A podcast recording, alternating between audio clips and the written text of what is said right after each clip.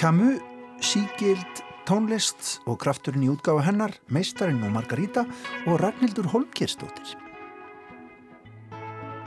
Það sem skiptir máli er að vera sannur og þá kemur allt hitt líka, einfallleikin og mennskan.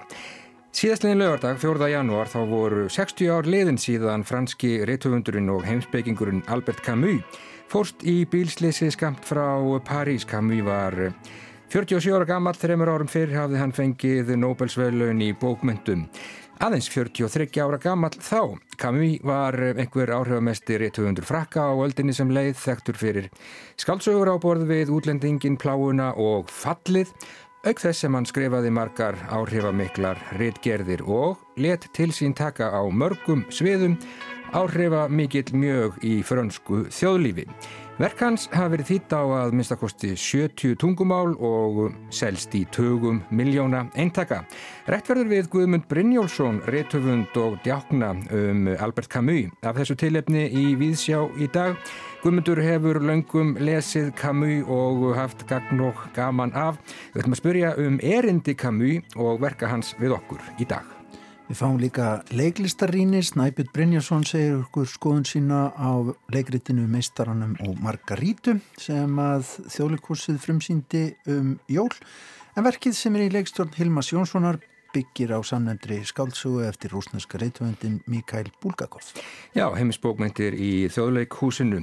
En bók vikunar hér á ráseitt að þessu sinni er skálsagan Villu Eyjar eftir Ragnhildi Holmgeirsdóttur sem vakti töluverða aðtekli fyrir nokkrum árum fyrir bók sem hún gaf út og heitir Koparborgin.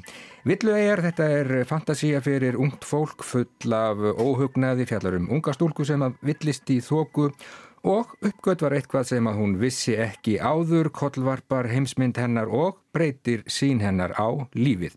Við ræðum við Ragnhildi í Víðsjá í dag og hún les fyrir okkur brott úr verkinu. En að gefnu tilöfni þá hefjum við þáttin í dag á kraftinum í útgáfu á síkildri tónlist á heimsvísu.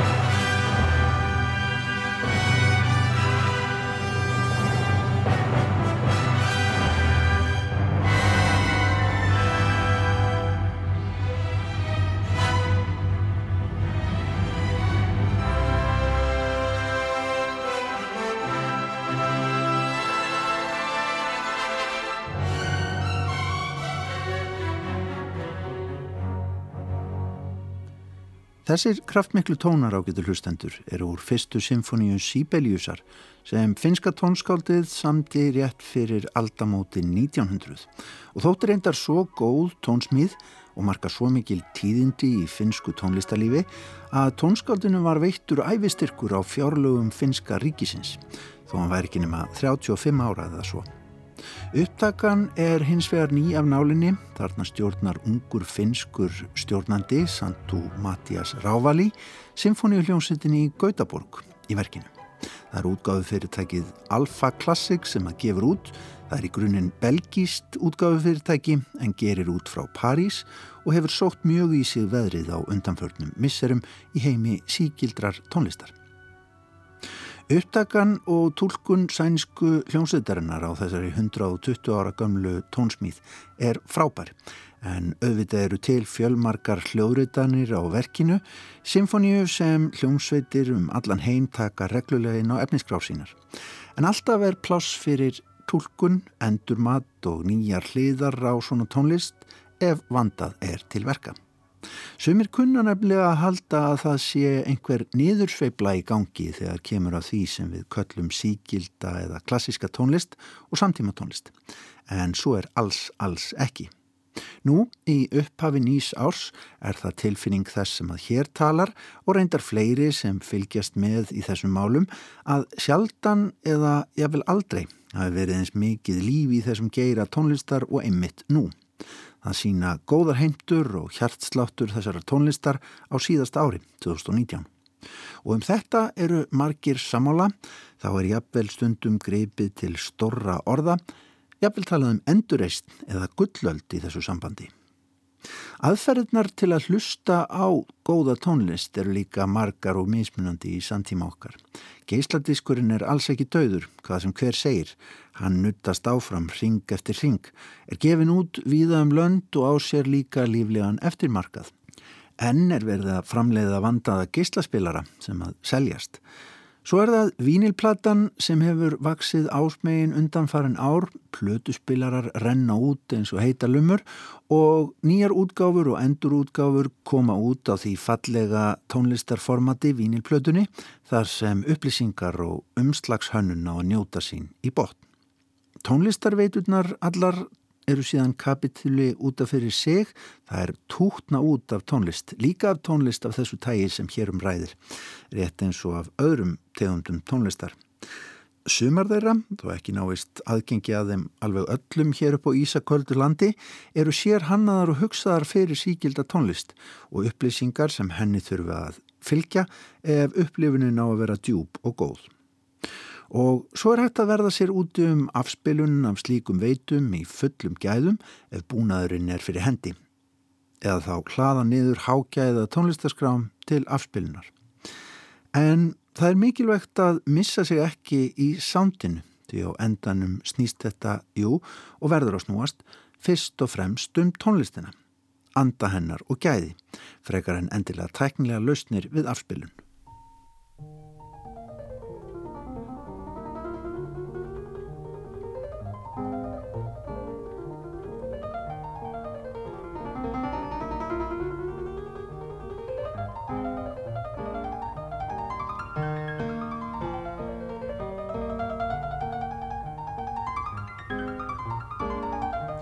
Hér er önnur ný og fesk upptaka. Píjánuleikarin Andras Schiff, hókin af reynslu, nýtir sér gamla tækni, Forte Piano, smíðað af Frans Brodmann í Vínarborg í kringum aldamótin 1800 til að leika og tólka impromptu tónsmíðar Frans Schubert með síðustu verkunum sem að hann samti núna á okkar stafrænu tímum.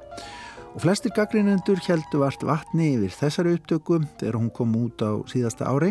Þarna er skýrt dæmi um það hvernig nýjar upptökur af gamalli velþægtri tónlist geta veitt nýja insýn í tónlistararf aldana. En það er nöðsynlegt og reyndar ótrúlega gefandi og skemmtilegt að vera með alla ánga úti þegar kemur að tónlistarleiti heimi síkildrar tónlistar nú á okkar dögum því rétt eins og átti við um stóru plötubúðunar forðum sem auðvitað eru ekki eins margar og þar voru til dæmis í upphafi aldarinnar eða svo, þá krefjast streymisveitur leitandi huga ef maður ætlar að verða sér þar út um gott nýmeti. Það er ekki nóg að láta algoritman sjá bara um sig. Littlar sérhæfðar plötubúðir má finna víða í borgumjú, líka í miðborg Reykjavíkur og svo getur verið gott að fylgjast með vandaðri tónlistarbladamennsku í vefmiðlum og fagtímaritum til að fá einblástur til að leita í nýjar áttir, bæði í raunheimum og í stafrænum heimum. Frambóðið af nýjum vönduðum upptökum er vissulega svimandi gott um þessa mundir en það þýðir ekkit að missa móðin þegar kemur að leitinni og með smá lagni er hægt að finna sér nýjar og óþægtar perlur innan um þær sem að vel eru þægtar tónlistarútgáfa á nótum á ég við núna og rannsóknir á tónlistararfi sem að leynist í bókasöfnum víða um heim gera það verkum að tónlistarsagan er jú að stækka og stækka og breyka og breyka.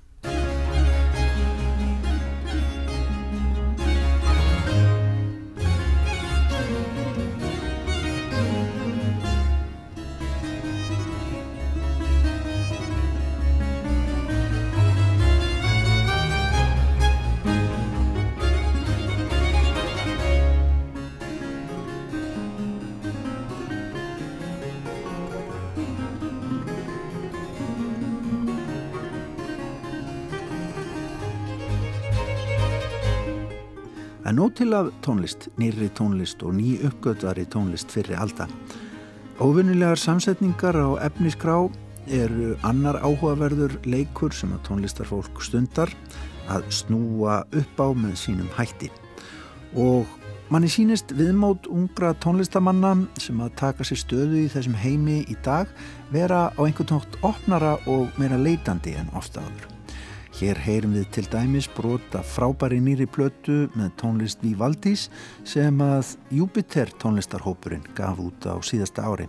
Stopnandi og forsprakki þess tónlistarhóps er hinn leitandi og tilunaglaði lútuleikari Thomas Dunford sem með félögum sínum í Júpiter vildi endur uppgöta andblæ stofutónlistarinnar í tónlist baráktímans eins og þau orða það sjálf í hópnum og halda áfram með því að segja Júpiterhópurinn virkar sem eins konar bræðralag þar sem allir þurfa að þekkjast vel til að tryggja náttúruleg viðbröð innan hljómsutarinnar. Árangurinn lætur ekki á sér standa.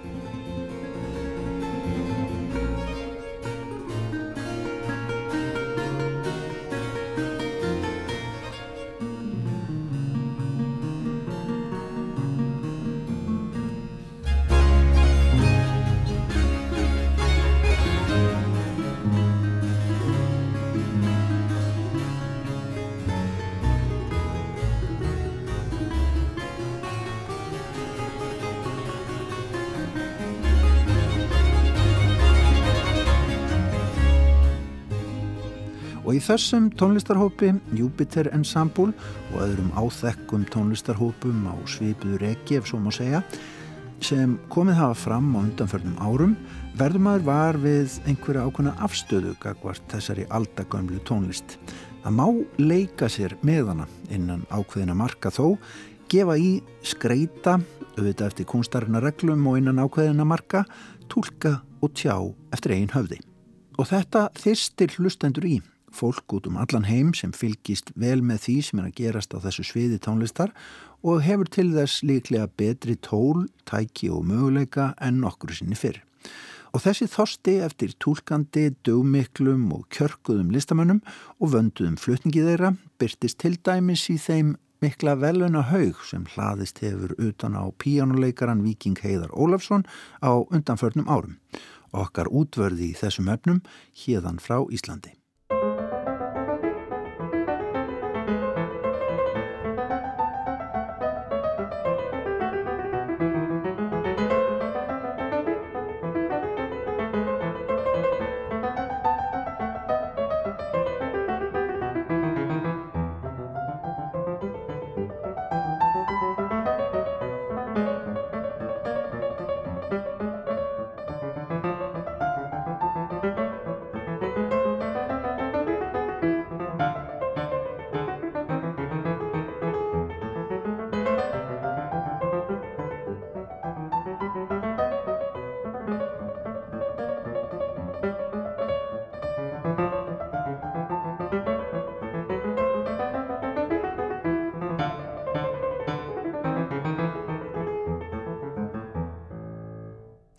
En sem sagt, lífsmarkið með síkildu tónlistinni er mikið og gott, bara svo þeir viti það sem að kunna ég að halda eitthvað annað.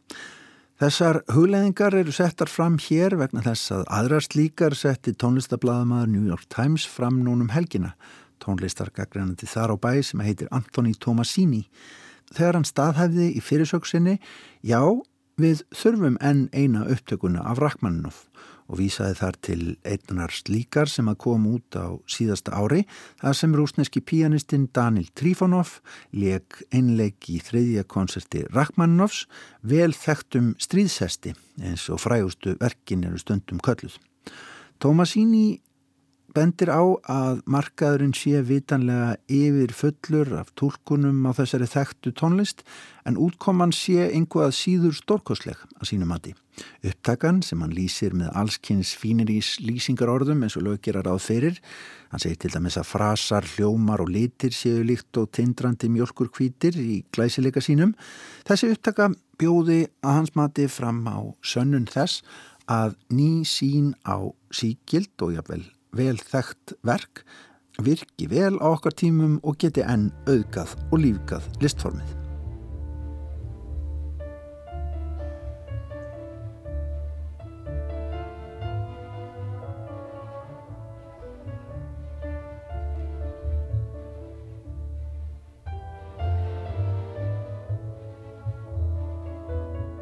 Og svo má heldur ekki gleima nýja bröminu, nýsköpunni þó að auðvita sé tólkun á aldagamalli tónlist í raun alltaf nýsköpun líka. Jú, ég áþar við tónsmíðardagsins í dag sem að koma líka jamt og þjætt út í vönduðum hljóðréttunum víða um heim. Nær þar að litast um hér á landi og nefna bandariska útgáðu fyrirtækið Sono Luminus sem að hefur meðal annars tekið upp á arma sína gróskuna í íslenskri tónlist á undanförnum árum gefið út íslenska samtímatónlist og flytjendur í miklum gæðum og af miklum myndar brag, meðal annars í samstarfi við Symfóníu hljómsveit Íslands. Þar er á ferðinni mikilvæg skrásetning á líflegu tónlistarlífi landsmanna. Þannig að hvert sem litið er, hér heima í samtímanum eða langt aftur í aldir, verður að segjast að það er gaman að unna síkildri klassískri samtíma tónlist, ja, eða bara góðri tónlist almennt, á þeim tímum sem við lifum.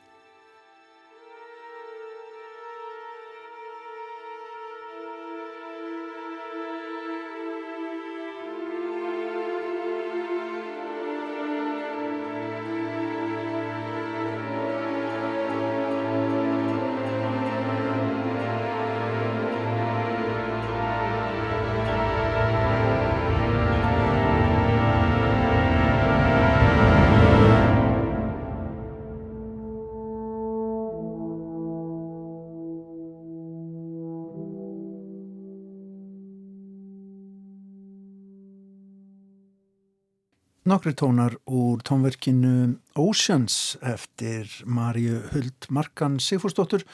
Þetta er af plötu sem heitir Concurrence og kom út á síðasta ári frá útgáfi fyrirtækinu Sónu Luminus.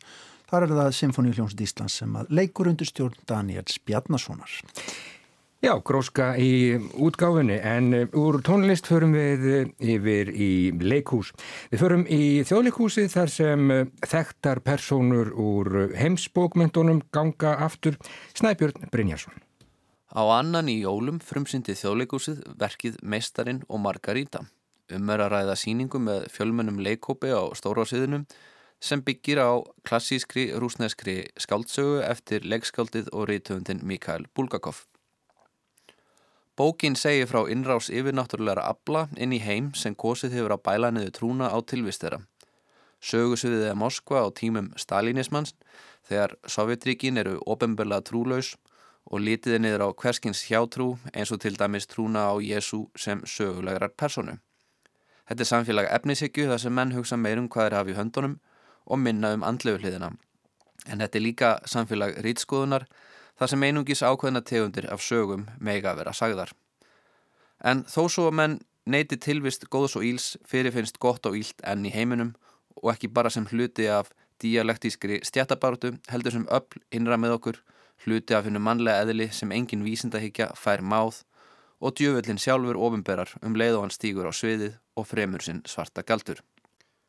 Það ætti ekki að koma neinum á óvart að bókin hafi ekki fengið að koma út á þeim tíma sem hún var skrifuð. Í sögun er verið að hæðast af ofinberi menningarstefnu Sovjetríkjana sem á þessum tíma þyngaði alla list í þröngt mót sósjálrealisma. Leikúsmenn sem höfðu aðra nálkun eins og til dæmis Mæjarhold bókstaflega dói fyrir list sína en Bulgakov var blessunulega undir vendavæng sjálfs Stalins. Þegar hann baðun um leifi til að yfirgefa Sovjetríkin eftir að hafa verið að meinað að gefa út verk sín og fengiði á sig stimpilinn óvinnur fólksins Þá er sagt að Stalin hafi hringt í hann personulega og að lokum fallist á að gera hann að leikstjóra við lista leikúsið. Ef Stalin hefði komist yfir handritið að mestaranum og Margarítu sem flakkaðum Rúsland í ólöglegri útgáðu þá hefði hann eflaust haft gaman að mörgu í henni enda Guðfræðið mentaður. En þó svo ég get ekki sagt um það hvort Stalin hafi náða að lesa bókina. Þegar hún barst mann á milli get ég sagt ykkur að hún kom ekki ofinbella út fyrir en meirinn 30 árum síðar, laungu eftir dauða harstjórans. Leikurinn hefst á því að djöfullin kemur til Moskvu og hæðist að elitinu Þegar spjalla við tvo meðlimennar, skáldið Ívan Bjestomni og Berljós forman rítvöndarsambandsins. Menninni tveir taka lítið marka á þessum sérkynlega útlenska gest þar til spátumar hans óvend rætast og spórvagn fer yfir Berljós en Ívan lendir á geðveikrahæli. Bjarni Snæbjörnsson passar vel í hlutverk Ívans enda með afar sakleysislegt yfirbræð og hann er að gera hann að mögulega umgunnaverðustu persónu verksins í hardri samkjafni þó við Jésu sjálfan. Inn á geðvegrahælinu kynnist Ívan öðru skáldi sem segir ekkit en abs en ég áttar að hafa skrifað skáldsúgu um Pontius Pilatus, landstjóru á Júteu og að svo skáldsag var dregin í svaðið af gaggrínutum og þessari sumu menningarilitu og Ívan og Berljós tilerðum. Að meðan þetta gerist flakkar djöfullin áfram á samt fylgdaliði sínu um Moskvu, ofinbæra hræstnu og græðiki borgarbúa, kennir Margaritu fyrir um ástkonu naflösa höfundarins Nortnagaldur sem getið tekið móti púkum og draugum á árlegu heljarballi auk þess sem áhörundu fá að kynnast hugarangri Pontiusa Pilatusar, Levi Mattuusar og um leið Jésu Krist. Ef ég ætti að lýsa sögunni betur, tæki það upp allan pistilinn, en þetta er fjölbreytt personugalleri og það er engin leið að nefna og gefa öllum þráðum gögum. Saga Bulgakos fylgir ekki hefðbundum reglum um plott og söguþræði, hún er lofgjör til eins óraugrétta og tilviljana kenda, ámenningum það að sama hversu skinnsum við teljum okkur vera þá er alltaf stutt í myrkur miðalda. Sagan er að hluta til sjálfsæfisöguleg. Bulgakov brendi fyrsta handrit bókarinnar líkt og nafnlösu höfundarinn og gælunarfn hans á setni eiginkonu sinni var Margarita. Aðrar personur, skáld og gaggrínendur eru líka taldi byggja á raunverulegum personum og að svo að sjálfsögðu var reytskóðunin líka raunveruleg og maður getur velt fyrir sér hvort að höfundurinn sé að fela í sögunni jafnvel enn beittar í gaggrinni en sérsta auðuborðinu. Þessi féluleikur gerir hana spennandi og veldir upp spurningum um hvað telst sannleikur, góðu list og hvort manneskjur getur raunulega verið góðar. Þetta er annað sinn sem Hilmar Jónsson leggstir í síningu byggðri á þessari skaldsugu. Ég var í mentaskóla þegar hann sett upp meistran og Margarítu í Hafnafjörðarleikursinu og svo síning er nokkuð góð í brotakendri minningum minni en þetta þó ekki sama leikgerð heldur til dælu nýleg útgáfa verkinu eftir Niklas Róðström sem Hilmar þýtti yfir á íslensku. Einfaldar sjónkörfingar og töfrabröð gerðu mjög margt fyrir söguna og myndum mann á hvað slíka brellur eru vannýttar í leikúsi. Búningar Efusignia nötu sín ágætla, sérstaklega var gaman að sjá fugglahöfuðið sem myndi á gömul mótiv úr Hieronymus Bosch málverkum sem hefði kannski verið gaman að sjá tekið lengra. Leikmynd Sigriðar Sunnu Reynistóttir var fjörlæf og þjónaði sínum tilgangi aðeins að draga aðtegli sérstaklega til sín að risavöksnu tunglinu undan skildum. Í heildina litið var ekkert verið að ofgera í fagufræðinu, heldur verið að þjóna tekstanum. Stefán Allur Stefánsson leik hlutverk naflösa höfundarins og Jésu að hann ástri en báður karakterar taka á sig syndi mannkinsins í verkinu. Hann er ekki alltaf svona lástendur en það var góð tilbreyting að hafa hann í hlutverki ljúfmennis sem ekki æsi sig. Birgitta Birgistóttir leik Margarítu Nikóli Efnu, ástkona mestarans og galdranord og kom ágætla úr því hlutverki, sérila í senunni þar sem hún flýgur yfir Moskvum. Stjörnursýningarinnar voru hins vegar Djöfullin eða Galdramæstarinn Voland leikin af Sigurði Sigjónssoni og föruniti hans, kötturinn Behemoth, vampíran Hella og tólkurinn Korójev. Galdramæstarinn í tólkur Sigurðar er lífsreindur, jafnvel lífsþreyttur, ekki undrand á neinu eftir að hafa fylst með manginunu í þúsundir ára en með ágættis húmor fyrir okkur. Þetta er krefandi hlutverk því Bulgakov skrifar hann ekki sem hreinan óþokka, heldur freistara sem verður fyrir vombrum þegar mennirni standi ekki undir væntingum en verlunar góðmennsku. Förunötið, þau Óttur Júliusson, Marja Telma Smáradóttir, voru ólík sjálfum sér. Marja Telma var endar alveg óþekkjaleg sem vampýran. Sérstaklega vil ég þó hrósa eppu Katrínu Finnsdóttur í hluturki Tulksins, en hún var að hinnum ólaustuðum alveg frábær. Á heildina litið er uppfærsla Hilmas ágætlega hefnuð, það er engar feilnótur en heldur ekki verið að taka stórar áhættur. Meistaran og Margarítan er eina mínum uppáhalds bókum og það á ég held ég fyrri uppfæslu Hilmas að þakka. En sem aðdándi bókarinnar fór ég nokkuð sáttur úr leikúsinu og maður lendriði með fyrir alla þá sem hafa gaman af leikústöfrum og góðum sögum. Snæbjörn Brennarsson fór bara nokkuð sáttur úr þjóðleikursinu og mælir með síningunni Mestarinn og Margaríta. sem þar á fjölunum þessa dana. En yfir í bókmentir aftur höldum við hér í vísa. Bókvikunar uh, hér á ráseitt að uh, þessu sinni er skáltsagan Villu Eyjar eftir Ragnhildi Holmgeirsdóttur. Þetta er önnur bók Ragnhildar sem að vakti tölverða aðtegli fyrir já, fjórum árum síðan eða fimm fyrir bók sem að heitir. Uh, Villi er, þetta er, þetta er fantasía sem að gerist, já, fyrir cirka bát hundrað árum eitthvað soliðis á uh, fjarlægum eigum. Verður velkomin í Viðsjá Ragnhildur Holmgeirstóttir, þetta er bókum, já, unga stelpur sem að villist í þóku, eða hvað? Já, í stuttum áli sagt, þá er það rétt.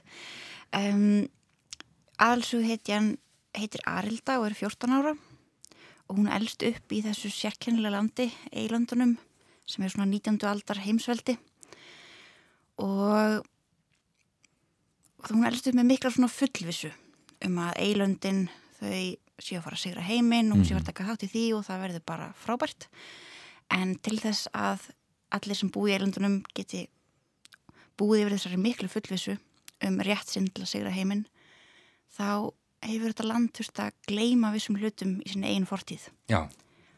og þessi gleimska hefur samt smáður áhrif gerir það verkum að það eru það er ímsir hættulegir hlutur í gangi en það getur enginn talað um þá Nei, mikill óhugnaður ekki satt. Mm -hmm. og það er þessi skóli sem er á þessari eigu þetta er eiginlega bara eina húsið á þessari eigu og það er svona hann í bókinni er það ekki?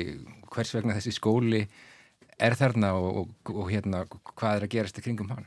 Já um, í upphafi sögunar þá finnst sögupersonu þetta bara eðlilegt þetta er það eina sem hún þekkir og þá láta allir eins og þetta sé eðlilegt en um leið hún byrja að fletta ofan að því af hverju er skólinn eina húsið á eiginu hvað gerðist af, um, af hverju var hægt við alla aðra byggð á eiginu þá mm. fær fyrir fleira að koma í ljós. Já, en hún fer sem sagt í þetta ferðalag og já, villist í þokunni og, og, og lendir þar í einhverju sem að bókstaflega kollvarpar hennar heimsmynd ekki satt og, og breytir uh, sín hennar á, á lífið. Þú hefur sagt að þú uh, viljir fyrst og fremst skrifa óhugnarlegar bækur, þú sækir í óhugnað. Já, um, í mjög daglegu lífi þá reynir ég alltaf að vera fyndin mm -hmm. og það getur orðsvöldið þreytandi þannig að þá finnst mér gott að skipta bara yfir í hreinan og hugnað það sem að gerast bara hræðilegi hlutir og sorglegir Já, um, þú hefur sagt líka að uh, þessar bækur þín er þær já, byggja einhver leiti á þeim heimi sem að þú livðir og hræðist í sjálf þegar þú varst barn og, og unglingur hvað, hvað heitlar við fantasíun og, og hvers vegna, vegna sækir því hana? Mm, já, þetta er svo stór spurning mm -hmm. um, Það er einhvern hægt bara að fjalla um svo stóra hluti á svo einfaldan hátt já, fantasíunni, það er kannski það Já, mm.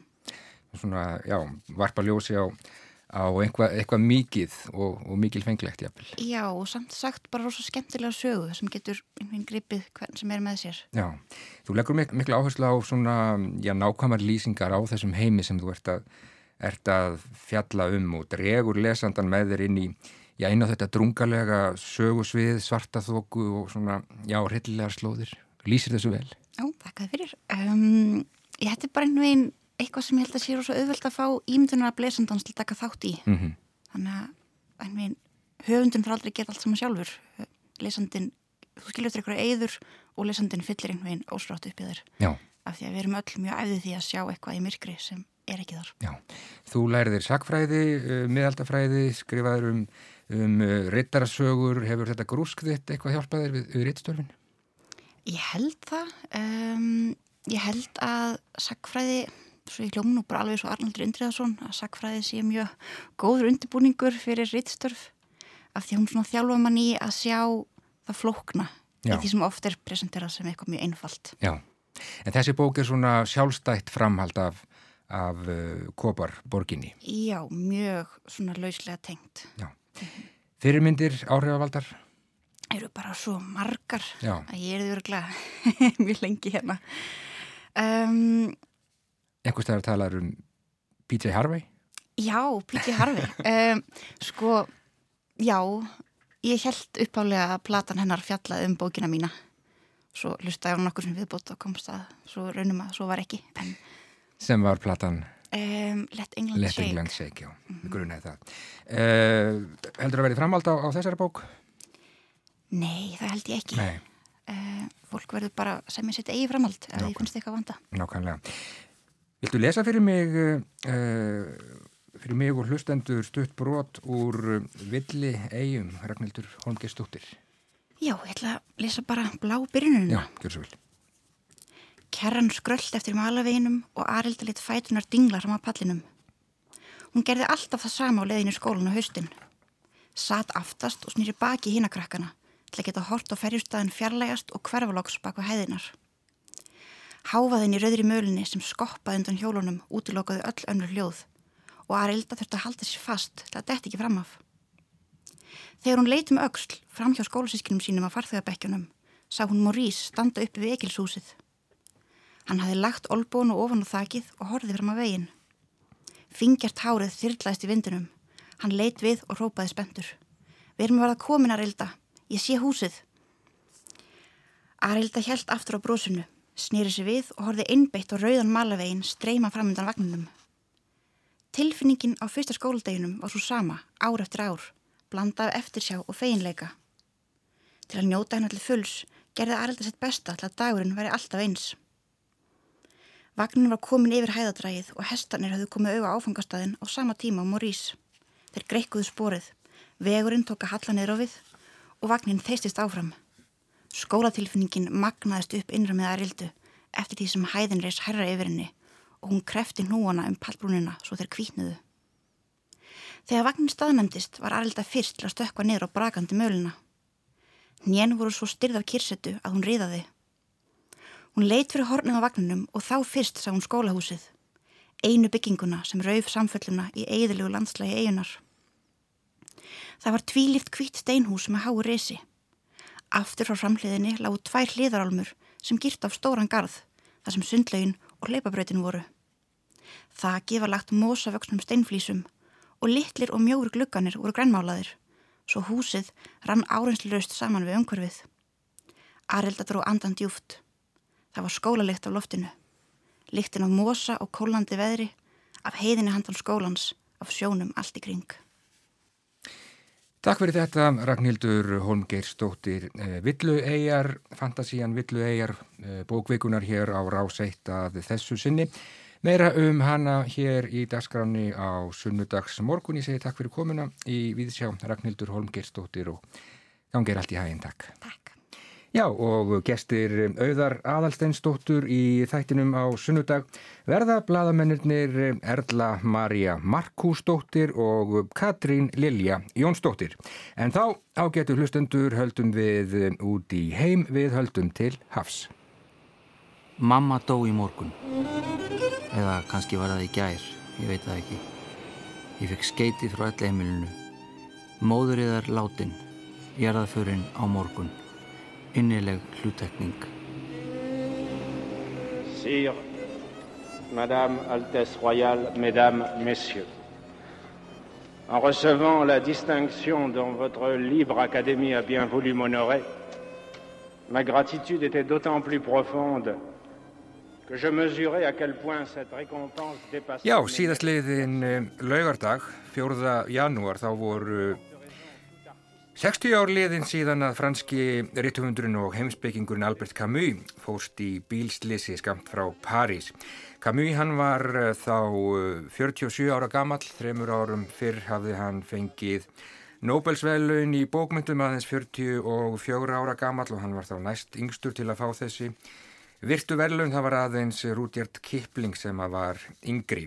Og já, Albert Camus, hann fór ansi snemma, hann var, hafði þetta mikil áhrif á, á sína samtíð í kringum, já, eftir setna stríð og, og skrifaði bækur sem að verða nú bara hreinlega, já, svona nánast biblíur uh, uh, ungs fólks. Og, mikil lesin og hafði mikil áhrif og let uh, að sér hveða, aðsóps mikil og blandaði sér í í, já, öll svona helstu samtíma mál, hann skrifaði um glæpi nazista og hann skrifaði um gúlagið í Sovjetríkjunum og hann skrifaði um einræði Frankós og þannig mætti áfram telja. Hann er komin til mín, hingað hann Guðmundur Brynjólfsson, rittöfundur og djákni, hjertanlega velkomin Guðmundur, þú uh, veit ég hefur lesið Albert Camus mikið og, og þannig kannski við hæfi núna 60 árum eftir, eftir andlát hans að velta þess fyrir sér sko, já, Camus í dag, ertu enn að lesa Camus og, og, og hvað gerir hann fyrir þig?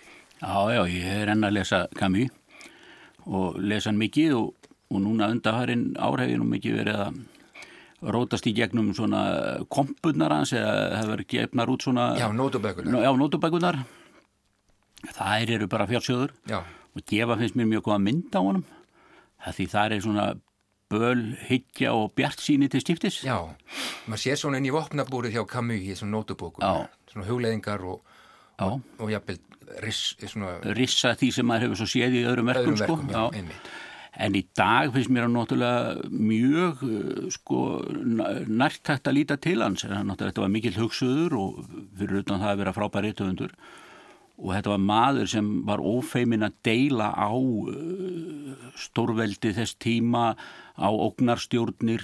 Hann var til dæmis ein hans skarpast að deila við Sart var um Gulagið, var um þrælabúði Stalins. Já. Þar sem, þar sem uh, Sart var enn á þeim buksunum að vera eitthvað að reyna að verja það. Þar síndi Camus að hann var maður sagt, samlíðunar og, og, og, og velvilja til mannkins þó þó að mönnum kannski síndist oft annað. Uh, hann, hann eins og þú komst inn á, hann, hann gaggrindi hvaða helstefnu sem var og og var náttúrulega, hann var rittstjóri Kombat tímaritsins í París Já. á lokstrísarana fór 43 minni mig og, já, og til 47 og skrifaði alltaf mikið í það sjálfur og skrifaði í það eftir þetta líka því þetta blaði helt áfram að koma út. Og þetta var bara maður sem að, á margan hátt við ættum að líta til í dag vegna þess að oft finnst manni að menn séu sko meira sé að við sjáum einhver, einhver, einhver, einhver afstyrmi hér upp á Íslandi vera, vera reyna að pakka í vörn fyrir Trump og að þeir telja sér verið einhverju liði með honum eða, eða, eða Pútín eða, eða hver sem verða vill sko. Já. að þeir halda að þeir séu eitthvað í því liði sko. En, en, en það er þessi, það er þessi óbóstlega liðshotlusta sem að, sem að er svo ríkjandi hjá okkur og við sjáum þetta í lokslagsmálunum menn eru sko annarkvort svoleiðis með eða á móti einhvern veginn, einhver sem er borkja hægt að vera með á móti. Já, Camus sko, hann var, hann var bara sko, mér finnst hann oft tala bara svona eins og maður heyrir á bara í eldúsum, svona á kaffihúsum sko, hann tala bara svona eins og þessi venjulegi maður sem sér í gegnum allt rugglið já, nákvæmlega. Og þannig eru bækutana slíka sko. Væri kannski gott að hafa einn eh, eins og einn Albert Camus á meðal fór í dag og það var nú skrifað um það í, í Fraklandi uh, þegar að 100 ár voru liðin frá fæðingu Camus árið 2013 að uh, já, að verk Camus og já, Albert Camus hann, hann væri reynlega nöðsynlegur heimi sem að flýtur sofandi að fegðar ósjó ekki yfir ástandið batnað síðan Nei, ekki, ekki skánar það sko. Nei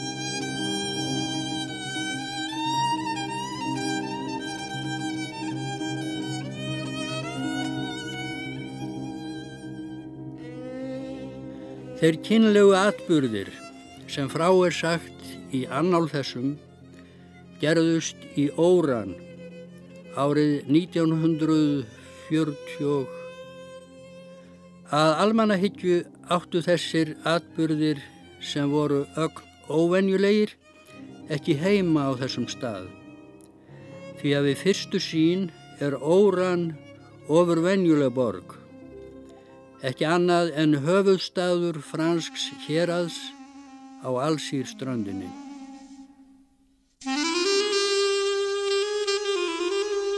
En hvað finnst þér, uh, Guðmundur, um þessi, sko, þekktastar þessar uh, skáldsögur hans, útlendingurinn, uh, fallið og pláan.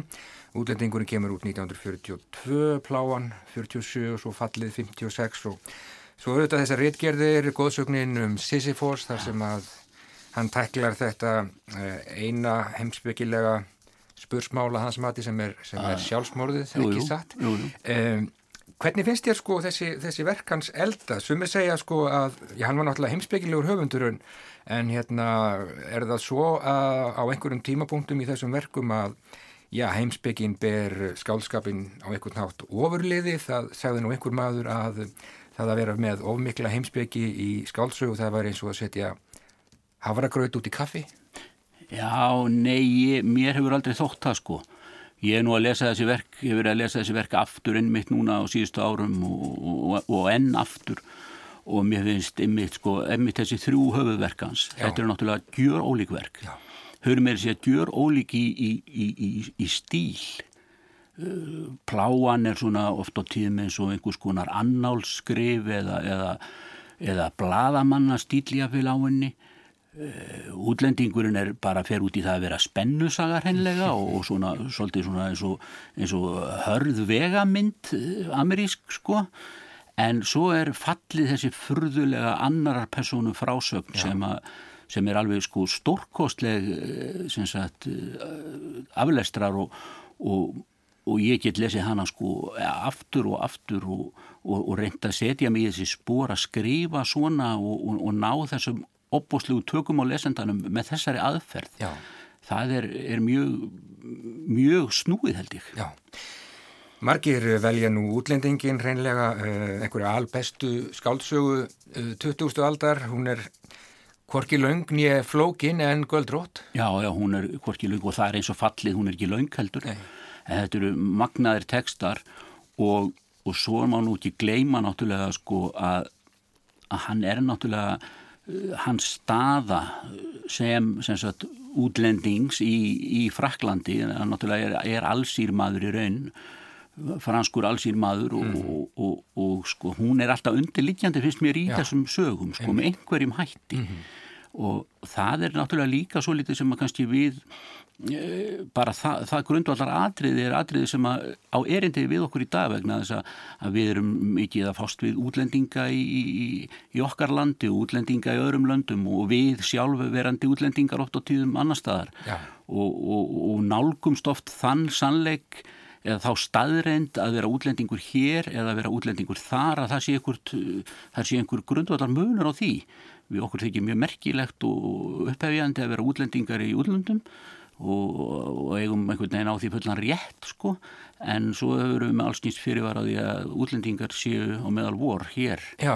Og, og þetta er, er spusmál sem sem er alltaf undir hjá Gami Já að vera útlendingur og ekki útlendingur þetta er nú, já, merki nú eiginlega hinn framandi er það ekki titillin á þessari bóku útlendingurinn vegna þess að hann er ekki svona, útlendingur í bókstafleiri merkingu heldur er hann svona, er, já, hann er framandi öllu kerfi og þeim, þeim kröfum sem að samfélagið já, þannig, gerir til hans. Já, og þannig held ég að sko Kami hafi skinnið þó hann, hann var náttúrulega háskólamentaður maður og, og komst ágætlega vel af og inn í, inn í sagt, e, já, kreðsur sem, a, sem að hann þurfti að vera í innan kjæsalappa mm -hmm.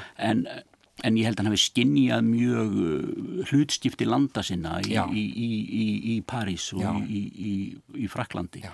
og það sé oft oft uh, undir í hans skrifum og hann, hann er óbúslega mikið maður sem tekur málstað þess sem minna má sín. Það er, það er einn af rauðu þráðunum hjá honum. Nákvæmlega. Ég er engun nær. Eftir vill var það í gær. Elli himlið er í Marengo, 80 km frá Algisborg. Ég tek tvövagnin og verð komið ángað fyrir kvöldið. Þannig get ég tekið þátt í líkvökunni og komið aftur heim annað kvöld. Ég baði skrifstúrstjórunum tveggja dagar leiði og hann gætt auðvitað ekki neyta því þegar svona stóð á. En hann var súr á svipin. Ég sagði óskup hreinlega, þetta er ekki mér að kenna. Hann svaraði ekki.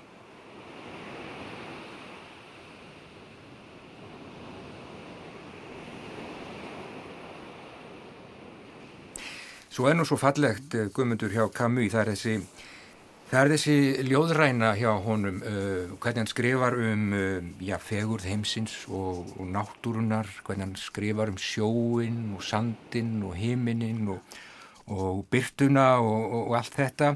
Uh, þetta er svona já, mjög sterkur þráður ekki bara í, í skáldsónum heldur, heldur og ekki síður í, í, í rittgerðunum. Alveg reynd, alveg mjög, mjög sterkur þráður og, og þarna finnst mér að jáfnvel koma fram þessi þetta finnst mér ofta á tíðum kallast þessi náttúru sínans og þessi, þessi skoðun á náttúrinni og lýsing á náttúrinni mm -hmm. þarna finnst mér að vera í rauninni ofta á tíðum að sko halda áfram með svarið við eh, spurningunum sjálfsmorðið eh, þú, þú, ef þú, ef þú, ef þú ætlar að lifa og ég menna það er bara undir þér komið hvort þú vill lifið ekki og getur mm -hmm. það drefið en ef þú vill lifa þá þá njóttu þess og livðu þá og Já. það er partur af því að lifa er að vera í harmoníu við, við, við hafið og heiminin Já. og sandin og lifa til fulls, lifa til fulls. Mm -hmm. og ég held að þetta, þetta sé svona kjarnist svolítið þarna því þetta er, þetta er mjög mikið, þetta er líka í smásögunum hans Já. Mjög mikið, mikið sandur oft á tíðum mm. og sjór og, og sól, mikil sól og það er afskaplega heitt og, og maður fer jáfnvel úr peysunni þegar maður er að lesa þetta sko. Hver er ég og hvað get ég gert annað en að taka þátt í leik löfblaðan á ljósins, skrifar Camus einhverstaðar á einum stað. Það er þessi fallega byrta sem hann er, sem hann er svo ofta að skrifa um og hann, uh, já, hann skrifaði skálsugur, hann skrifaði rítgerðir og hann skrifaði smásugur og hann skrifaði líka leikrit. Já, hann skrifaði Caligula til dæmis, svona hans frægasta leikrit. Verk, já. Svo skrifaði hann náttúrulega, sem ég er að, svolítið heilaðar að hann skrifaði heilmikla rítgerðum Ágústínus. Já og ég held alltaf að, að sko Ágústínus sé mjög undirlikjandi í, í kami hann hafi, hann hafi sem sé speglað sér svolítið í honum Já, nákvæmlega já. Það, er, það er mjög áhugaverður verður punktur en eh, 60 eh, ár liðin frá því að þessi merki maður eh, lemti í bílslýsi á samt útgefanda sínum Gallimar sem að dó nokkrum dögum síðar ekki sant? Það var þannig Já og það fannst handrit í, í bílflaginu, það var handrit að skálsögu sem kom út laungu síðar og heitir Fyrsti maðurinn, kom út árið 1995. Ég las einhver staðar um daginn guðmundur að ég menn voru að halda því fram að, að KGB hefði komið Camus fyrir Katarnef. Já, þetta er svona, þetta kom minnum upp 2011 fyrst. Já. Ég er, hef ekki svo sem kynnt mér þetta til lítar og alltaf ekki að úttala mig um það en en einhver svona finnst mér mér finnast bara á, á greinum sem ég lesið um þetta svona þannig skabankar á þeim málflutningi að, að hann gangi nú ekki alveg fyllilega upp sko. Nei, en verkamu þau eiga að uh, þínum mati uh, fyllilega erendi við okkur hér í dag árið 2020? Alveg, alveg 100% Já, Já. og hvetur fólk til að Hvet lesa? Hvet fólk til að lesa Camus Nákvæmlega Ég segi bara takk fyrir komuna í Víðsjá Guðmundur Brynjálsson, Riturfundur og Djákni og já, við skulum lesa Camus og þannig kannski rétt uh, að því við myndumst hérna á skáldsögunar sem er búið að þýða að kom hérna út árið 2014 eh, bók sem að inniheldur þrjú réttgerðasöfni eftir Albert Camus. Rángan og réttan sem var hans fyrsta sap 37, Brúðkaup og Sumar. Og það er Ástís R. Magnúsdóttir sem að þýðir einstaklega vel og þetta er ákaflega heillandi lesning. En aftur takk Guðmundur Brynjólfsson fyrir komuna og gangið allt í hæg Takk. Mais ont connu au contraire malheur et persécution. Il me restera alors à vous en remercier du fond du cœur et à vous faire publiquement, en témoignage personnel de gratitude, la même et ancienne promesse de fidélité que chaque artiste vrai, chaque jour, se fait à lui-même dans le silence.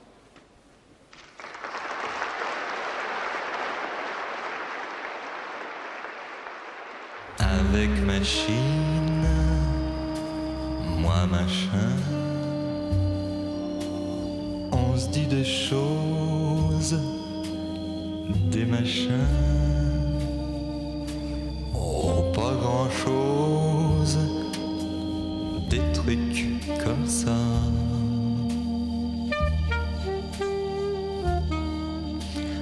Entre machine et moi machin. C'est autre chose, c'est machin, ça la rend chose, tout ça.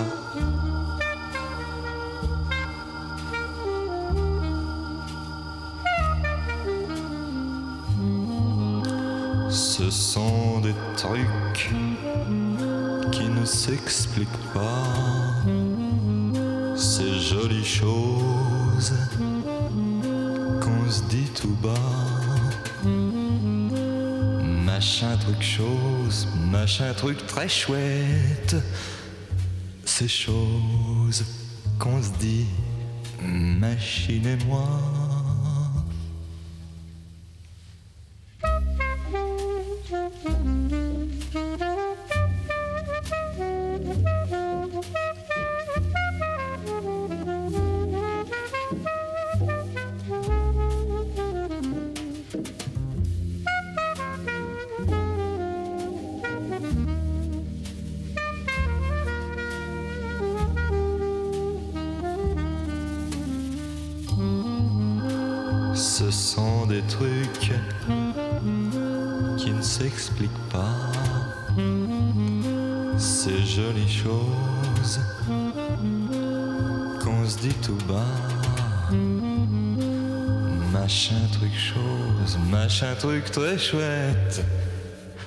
Ces choses qu'on se dit, machine et moi.